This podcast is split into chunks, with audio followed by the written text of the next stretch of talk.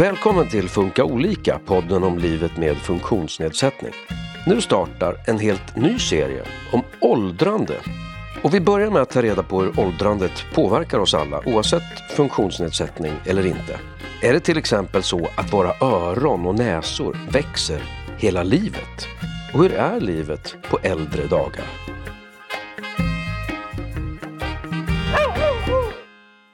Jag heter Susanne Smedberg och idag ska vi prata om åldrande. Och för ovanlighetens skull när det gäller den här podden, inte med koppling till någon funktionsnedsättning, utan om hur åldrandet påverkar oss alla, med eller utan funktionsnedsättning. Vi kommer alltså att prata om åldrandet generellt. Och till min hjälp har jag Julia Hamilton. Hej Julia! Hej! Du är sjukgymnast på Sabbatsbergs geriatriken och träffar ju då dagligen äldre personer. Ja, och, och då träffar jag nog eh, både de äldsta och de tyvärr sjukaste. På vilket sätt jobbar ni med äldre? Vad gör man på en geriatrisk klinik? Ja, vi räknas det som rehabiliteringsklinik och till oss kommer man ofta för att återhämta sig efter någon dramatisk händelse. Det kan vara sjukdom eller förvärring en befintlig sjukdom eller till exempel en olycka och då fallolyckor då dominerar. När börjar åldrandet eh, i oss? Det börjar ganska tidigt, men man får inte glömma att det är en process. En ganska smygande process. Det börjar för de flesta organ och system som vi har i kroppen vid 20-30 års ålder. Men vi börjar märka av det kanske vid 50-60 års ålder. Få ser ju fram emot att bli äldre. Har åldrandet oförtjänt dåligt rykte? Jag skulle säga kanske både och. Ehm, jag tror det finns också ganska negativ syn på att bli äldre samtidigt som vi lever i en, ett samhälle med väldigt så ungdomsideal när man ska vara ung, aktiv, eh, väldigt engagerad.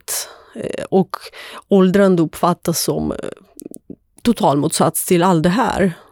Så det kan eh, både upplevas när man upplever liksom kroppsliga förändringar som man inte tycker om, samtidigt som vet man också hur kanske omgivningen och samhället reagerar. Så det är ganska dubbelt. Eh, finns det några positiva aspekter av att åldras?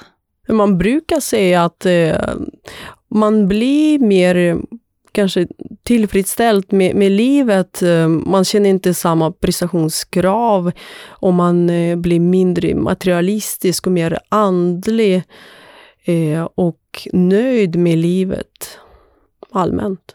Hur gamla blir vi i Sverige?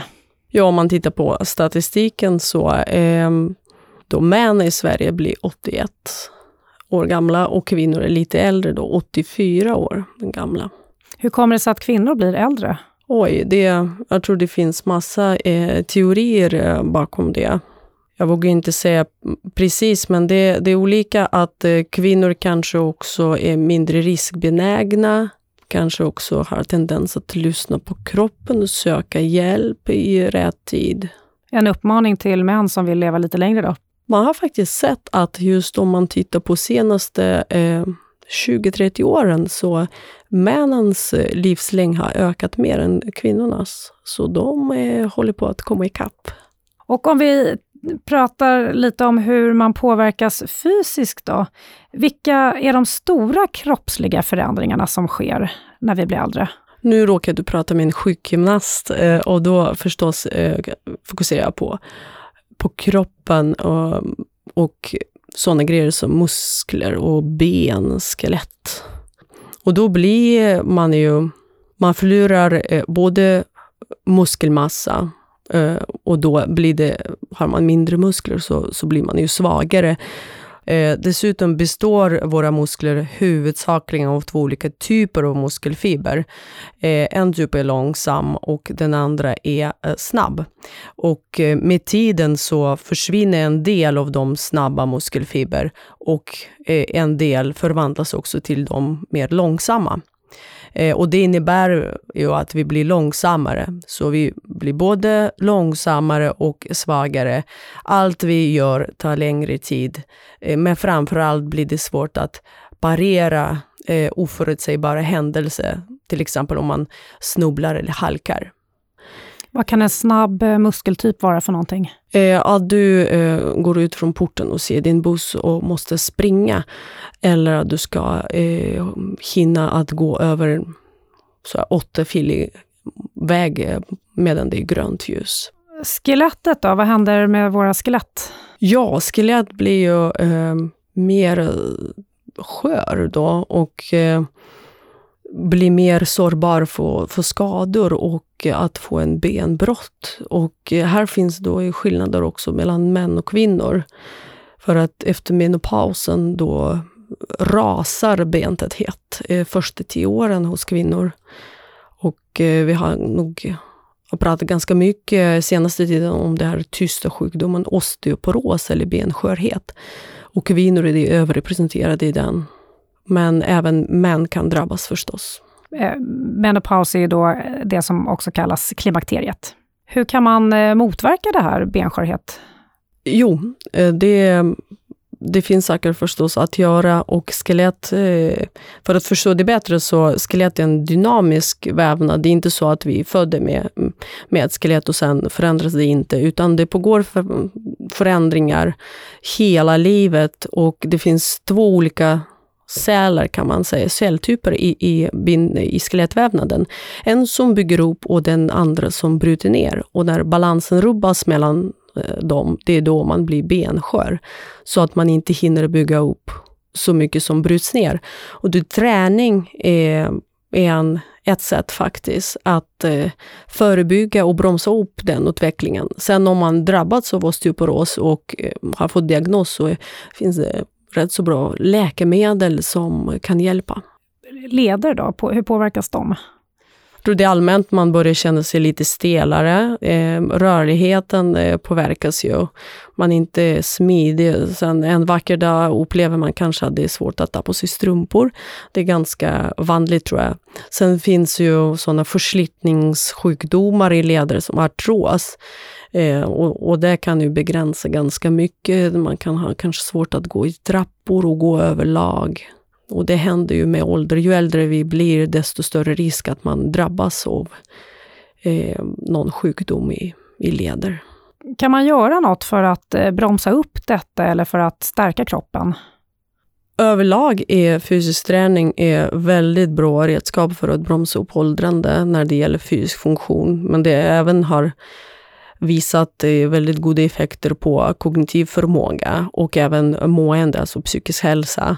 Så det är ju att följa rekommendationer för fysisk aktivitet och träning. Det är det bästa sättet egentligen. Är det någon särskild träning som är extra bra då? Jag tror om man eh, tittar på vilka stora problem äldre personer har, då, då är det fallolyckor. Och det är fallförebyggande träning som kanske är det viktigaste att betona. Och eh, det man har sett i studier att det bästa är kombination av styrke och balansträning eh, tillsammans med rörlighet. Finns det några samhälleliga rekommendationer för äldre? Ja, i år har de just uppdaterats av Folkhälsomyndigheter då i Sverige och det är efter att eh, Världshälsoorganisationen har kommit med sina nya rekommendationer eh, 2020. Eh, och när man tittar på rekommendationer för äldre personer, då är det pulshöjande aktivitet 150 till 300 minuter i veckan eller på måttlig intensitet. Eller vill man köra på hög intensiv träning, då är det eh, 75 till 150 minuter i veckan. Sen balansträning tre gånger i veckan och styrkestärkande eh, träning eh, två gånger i veckan. Om vi går in lite på vad som händer inuti kroppen, vi tänker med organ och sådär. Är det några delar som påverkas eh, extra mycket av att vi blir äldre? Jag brukar säga att de förändringarna som börjar tidigast och kanske har störst betydelse, det är ju i eh, hjärtat och kärlsystem eh, och nervsystemet. Och det är inte så konstigt för att hjärtsjukdomar är de vanligaste sjukdomar i befolkningen. Och vad händer då med hjärtat? Det blir ju så att hjärtat får svårare att pumpa ut blodet och det är för att både att eh, kärl ska bli eh, de blir ju mer trånga och inte lika elastiska, så det liksom behövs mer tryck helt enkelt. Eh, och där inne i hjärtat, eh, man brukar säga att hjärtat blir stelare och inte så elastiskt heller, så det måste liksom jobba hårdare för att uppnå samma effekt. Hur påverkar det här oss? Märker vi av detta själva? Man ofta märker kanske eh, att man inte klarar av lika mycket. Eh, och de kanske som har drabbats av hjärtsvikt eh, och andra hjärtsjukdomar, de upplever ofta just tröttheten som det omfattande och viktiga symptomen. Och sen sa du det här nervsystemet. Vad, vad gör det för oss? det sker ju förändringar på, på alla fronten kan man säga. Man, både eh, det här ledningsförmåga att överföra impulser från eh, hjärnan så att säga till eh, muskler, till eh, kroppsdelar och organ eh, blir ju sämre. Men sen också förlorar vi nervceller och då viktiga nätverk som eh, avgörande betydelse för funktioner blir ju svagare och måste kompenseras. Vi får ju också sämre syn och hörsel. Vad beror det på då? Det är kopplat också med förändringar i nervsystemet för att eh, syn och hörsel är ju en del av eh, nervsystemet. Det blir mindre ledningar, man förlorar eh, viktiga celler som både tar emot men även eh, skickar vidare signaler och, och tar emot kanske bearbetar eh, signaler och då blir ju så att vi hör sämre, eh, ser sämre. Och det här gäller sinnen som lukt och smak också då, eller? Det är precis alla sinnen påverkas och, och det leder ju tyvärr hos eh, äldre personer att man känner inte smaker lika starkt och då eh, kan det leda så att man tappar matlust till slut, för det smakar ingenting. Och eh, det är många människor som just, det är ju trevligt när det smakar gott och smakar det ingenting så, så vill man inte äta. Och hjärnan då, hur påverkas den av att bli äldre? Ja, man eh, brukar säga att eh, hjärnan blir också mindre med ålder. Inte så ett par kilo, utan kanske 100 gram. Men den blir mindre, man tappar som sagt viktiga kopplingar mellan eh, cellnätverk Eh, och vår hjärna är egentligen fantastisk och har en massa kompensationssystem, men om det sker förändringar i alla system så småningom så, så blir det någon slags svikt. Och hur eh, påverkas vi av det då? Jag tror det, det som kanske mest talas om i samhället då är kanske minne. Att man har svårt eh, att minnas. Men det är samtidigt också att det är många som tror till exempel att demenssjukdom är en vanlig del av normalt åldrande, vilket är en myt. Kan man träna hjärnan på samma sätt som vi tränar kroppen? Jo, men det kan man. Eh, absolut. Eh, det finns just eh, eh träning för hjärnan med olika kognitiva uppgifter. Men sen eh, har man ju också sett att det vanliga träning, eh, både styrke och konditionsträning har eh, liksom ökat eh, kognitiv förmåga och det är för att man får bättre blodtillförsel till hjärnan det som också man har sett att eh, om man är, deltar i social, eh, olika sociala aktiviteter som man upplever som meningsfulla så får man ju också någon slags eh, positiv effekt av det på kognitiva funktioner. Det här med att eh, många funktioner, alla funktioner egentligen, lägger av. Eh, vad är poängen med det egentligen? Ja, det, det kanske är svårt att förstå, men det är nog återigen, vi är en djurart och, och det är så det, delvis det är genetik.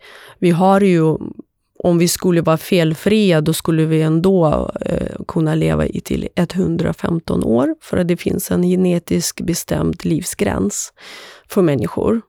Eh, sen det är så här, man lever ett långt liv och under det livet händer ju massa småfel i, eh, på cellnivå, eh, på såna enzym och olika substanser i kroppen eh, på den nivån.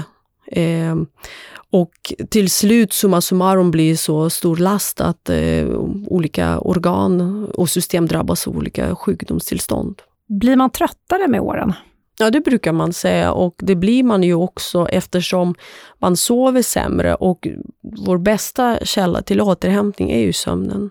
Man eh, sover både eh, kortare tid. Man är lättare att vakna mitt i natten, svårare att somna och så är sömnen ytterligare också.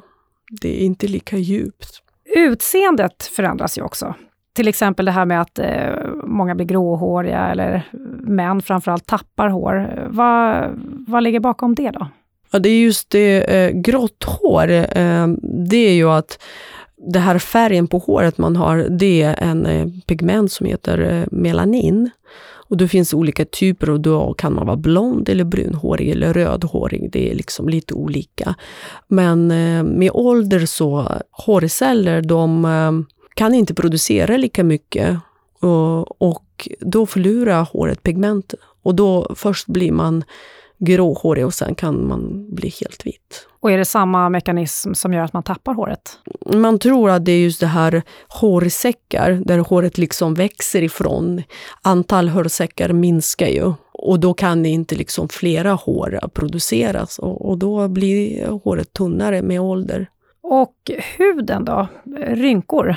Hur kommer det sig att vi blir så rynkiga? Det är både eh, att i huden just, den är ganska tunn jämfört med, med kroppen där på ansiktet. Eh, och då finns det två eh, olika sorts fiber.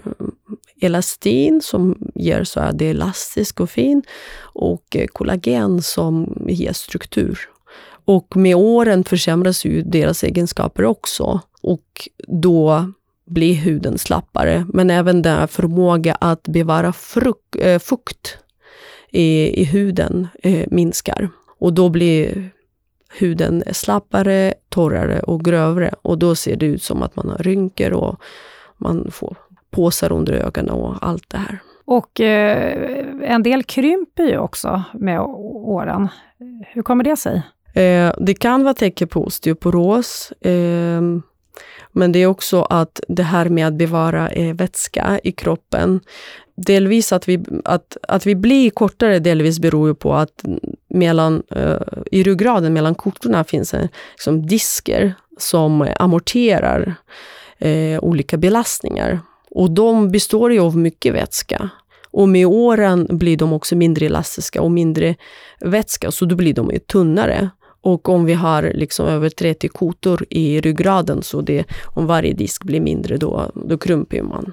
Och sen en fråga som eh, jag har hört mycket om, det här med att näsa och öron, att de växer hela livet. Stämmer det? Det stämmer inte, men eh, det är så här att egentligen eh, öron och näsa de slutar växa ungefär vid 16-18 års ålder. Men det kan se ut att de växer. Och det är både eh, att ansiktet blir smalare och då proportioner i ansiktet ändras och då skapas en illusion att öronen växer, till exempel, och näsan förstås. Det, det, blir framträdande. Men sen också det här med hudförändringar som vi nämnde. Det, det blir ju slappare och så. Tyngdkraften eh, hjälper till så det liksom tängs ut lite mer än, än, än det växer. Och då ser det ut det som att man har större öron och näsa när man blir äldre, särskilt män. Det här med att eh många anstränger sig så mycket för att eh, se unga ut och så vidare. Varför gör vi det när det här är något som alla drabbas av, så att säga? Gud, det skulle jag också veta svaret på, men som sagt, jag tror problemet är att att vi, vi bo, lever i ett samhälle som är väldigt fixerat på både utseende och att det ska vara ungt utseende. Eh, samtidigt, det är något slags paradox, för samtidigt blir vi eh, äldre och äldre och det blir flera som blir äldre ganska liksom hög upp i åldrarna. Och det finns eh, inte acceptans för det. Man brukar också prata om ålderism, någon slags stereotyper och fördomar som kan leda till diskriminering på grund av ålder. Så en sida av oss vill bli äldre och äldre, samtidigt vill vi se yngre och yngre ut? Jag tror om man frågar den liksom vanlig människa om den vill leva längre, så svaret är ja. Sen om man frågar mer, eh, då brukar man egentligen landa i att ja visst, absolut, men då vill man ju vara självständig, kunna göra saker och ting och uppleva livet. Nu har vi varit inne på kropp och utseende och den typen av förändringar, men man förändras säkert också rent psykologiskt. Hur mår äldre generellt? Det nog beror på. Så nu lever vi också i en, en märklig tid. eh, med isolering och eh, det kanske har påverkat också, tror jag allmänt ändå mår äldre personer bra. Sen finns det ju subgrupper som är mer sårbara för psykisk ohälsa och man eh, märker att det är kanske personer som inte har så stort socialt nätverk, eh, inte engagerade eller har inte möjlighet att engagera sig i olika sociala aktiviteter. Eh, och får man inte resurser själv eller får stöd med det så ganska lätt att utveckla psykisk ohälsa. Jag har hört eh, begreppet socialt åldrande. Vad är det för någonting? Ja, man brukar prata om sociala aspekter på åldrande och det handlar ofta om eh, sociala roller till exempel. Åldersrelaterade normer i samhället. Eh, sen finns det en psykologisk komponent på att eh, hur jag som person eh, förhåller mig till normer, eh, förlorade och kanske nyfunna roller eh, i samhället. Hur tacklar jag av eh, förluster? Tänker jag på åldrande som en vidareutveckling eller är det livets slut? Är det sånt som då påverkar den psykiska hälsan? Det kan påverka ganska mycket och det är också ett försök som sagt att se åldrande i en bredare perspektiv. Eh, inte bara fokusera på de biologiska aspekter. Eh, vad är viktigt för att må bra eh, när man är äldre? Jag tror man, man brukar prata om sådana eh, grundstenar och, och, då brukar man se att det är fysisk aktivitet, det är eh, kost, hur man äter och sen är det eh, sociala aktiviteter och delaktighet. Det är ju att känna att man är en del av något större, känna sammanhang, eh, känna samhörighet med andra människor eh, och eh, har en eh, social utbud med flera människor också i sin närhet. Eh, det nämns ofta som de tre viktigaste eh, grundpelare för att eh, må bra på äldre dagar. Är det något man kan förbereda när man är yngre inför att få ett bra åldrande? Jag tänker att många till exempel, eh, så här klyscha hör man på dödsbädden, att de önskar att de hade jobbat mindre. Är det något som du hör från dem du träffar till exempel? Jag har faktiskt inte hört det själv eh, eh från en eh, patient. Eh, men jag har läst mycket om det, att eh, det finns undersökningar, ganska stora undersökningar och eh, en gemensam närmare, nämnare är ju att det är många som ångrar att man har jobbat väldigt mycket eh, istället för att kanske vara med barn och familjen och liksom kanske utveckla sina hobby och vara med vänner. Men jag tänker, det är aldrig för sent, det är det som är positivt. Eh, man får ändå börja ändra i vilken ålder som helst och det egentligen eh, gäller alla de tre grundstenar. Och det är både fysisk aktivitet, kost och social aktivitet.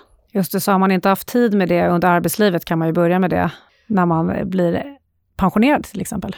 Absolut, men för det krävs ju mod också eh, såklart och stöd eh, att få. Finns det några myter eller fördomar om åldrandet? Men en av de här, tror jag, jag nämnde här att det många tror att eh, demenssjukdom ingår i det normala åldrande. Eh, det, det, stämmer ju inte. Eh, utan att man Visst, ju äldre man blir desto större risk att utveckla demenssjukdom. Men det gäller ju alla kroniska sjukdomar. Eh, man får hjärtsvikt ju äldre man blir, men även man, man får ju slitna leder ju, ju längre man lever. Eh, det är lite, lite samma sak. Eh, sen upplever jag att vi har fortfarande ganska negativ syn på äldre. På något sätt räknas man in, inte längre. Och det, det tycker jag är synd för att man eh, förlorar en värdefull resurs för samhället. Hur kunde man eh, göra då för att det liksom skulle bli bra för äldre i samhället? Det är både att jobba eh, förebyggande och kanske prata mer om det. Och ge plats. Man kan ju också se att till exempel eh, Sveriges riksdag blir ju yngre med varje år och befolkningen blir, blir äldre med, med varje år. Det går lite isär, vem ska representera en stor del av befolkningen om 12 år? Det här med att man själv, man kanske ser att man ser äldre ut men inte känner sig som det inuti och andra kanske ser en på ett sätt som inte motsvarar bilden av sig själv. Alltså hjärnan och det yttre kanske inte alltid matchar. Det är ganska vanligt och det är många äldre personer som vittnar just eh, om det. Den egen upplevelse att vara yngre. Det är ingen som vill kalla sig gammal. Eh, men det tror jag också eh, både en strategi för att kunna handskas med, med eget åldrande, men även en ganska medvetenhet hur samhället eh, ser på en. Det är ju ett sätt att hantera åldrande, eh, just att separera på hur jag känner mig inuti och hur kroppen mår. Det är många som säger så att ja, kroppen är sliten, men jag har så mycket att ge fortfarande, jag är nyfiken på livet. Eh, jag känner mig som 25 fortfarande och har så mycket att ge. Ska börja avsluta här nu, men eh, jag tänkte fråga, har synen på åldrandet förändrats över tid i Sverige? Det tror jag absolut. Och sen eh, man kan ju också se så här generationsskillnader. Om man tittar på de som är födda på 20-30-talet, det är liksom livsmotto var ju att eh, inte ligga till last till varje pris och att man biter ihop, vill inte klaga eh, och liksom eh, ta så lite plats som möjligt. Eh, för att då man kanske växte upp i en, ett annat samhälle, ganska hårda förhållanden och Eh, mindre jämlik och jämställt samhälle. Eh, tittar man på eh, 40-talister, 50-talister, det är eh, människor som är väl medvetna om sina rättigheter, eh, men även är vana att vara aktiva, eh, vill vara delaktiga i, i alla beslut som rör deras liv. Så även där kan man ju se skillnader hur det är att vara eh, att vara äldre om man är född i olika eh, år. Hur tror du det kommer förändras framåt i tiden då, synen på äldre? Ja, det är intressant. Man försöker lyfta det här eh, mer komplexa perspektivet och eh, jobba mer med social inkludering. Och det handlar egentligen om alla delar av samhället, men det är också en väg att ta vara på resurser som äldre är egentligen och eh, skapa förutsättningar för flera att åldras på sina villkor och eh, vara så mycket delaktiga som möjligt, eh, så länge som möjligt. Ser du själv fram emot att eh, bli äldre? Både och. Jag tillhör den här konstiga gruppen som alltid vill bli stor. eh, sen ser jag ju varje dag eh, vad det kan sluta, så det är både eh, skrämmande och spännande. Jag ser fram emot eh, mer erfarenhet och tid för eftertanke med mindre mot sjukdomar och beroende av andras hjälp. Men det försöker man jobba med. Där säger jag stort tack till dig, Julia Hamilton, sjukgymnast på Sabbatsbergskliniken. Tack för att jag fick komma. Du har lyssnat på Funka olika, en podd från Habilitering och hälsa som en del av Region Stockholm.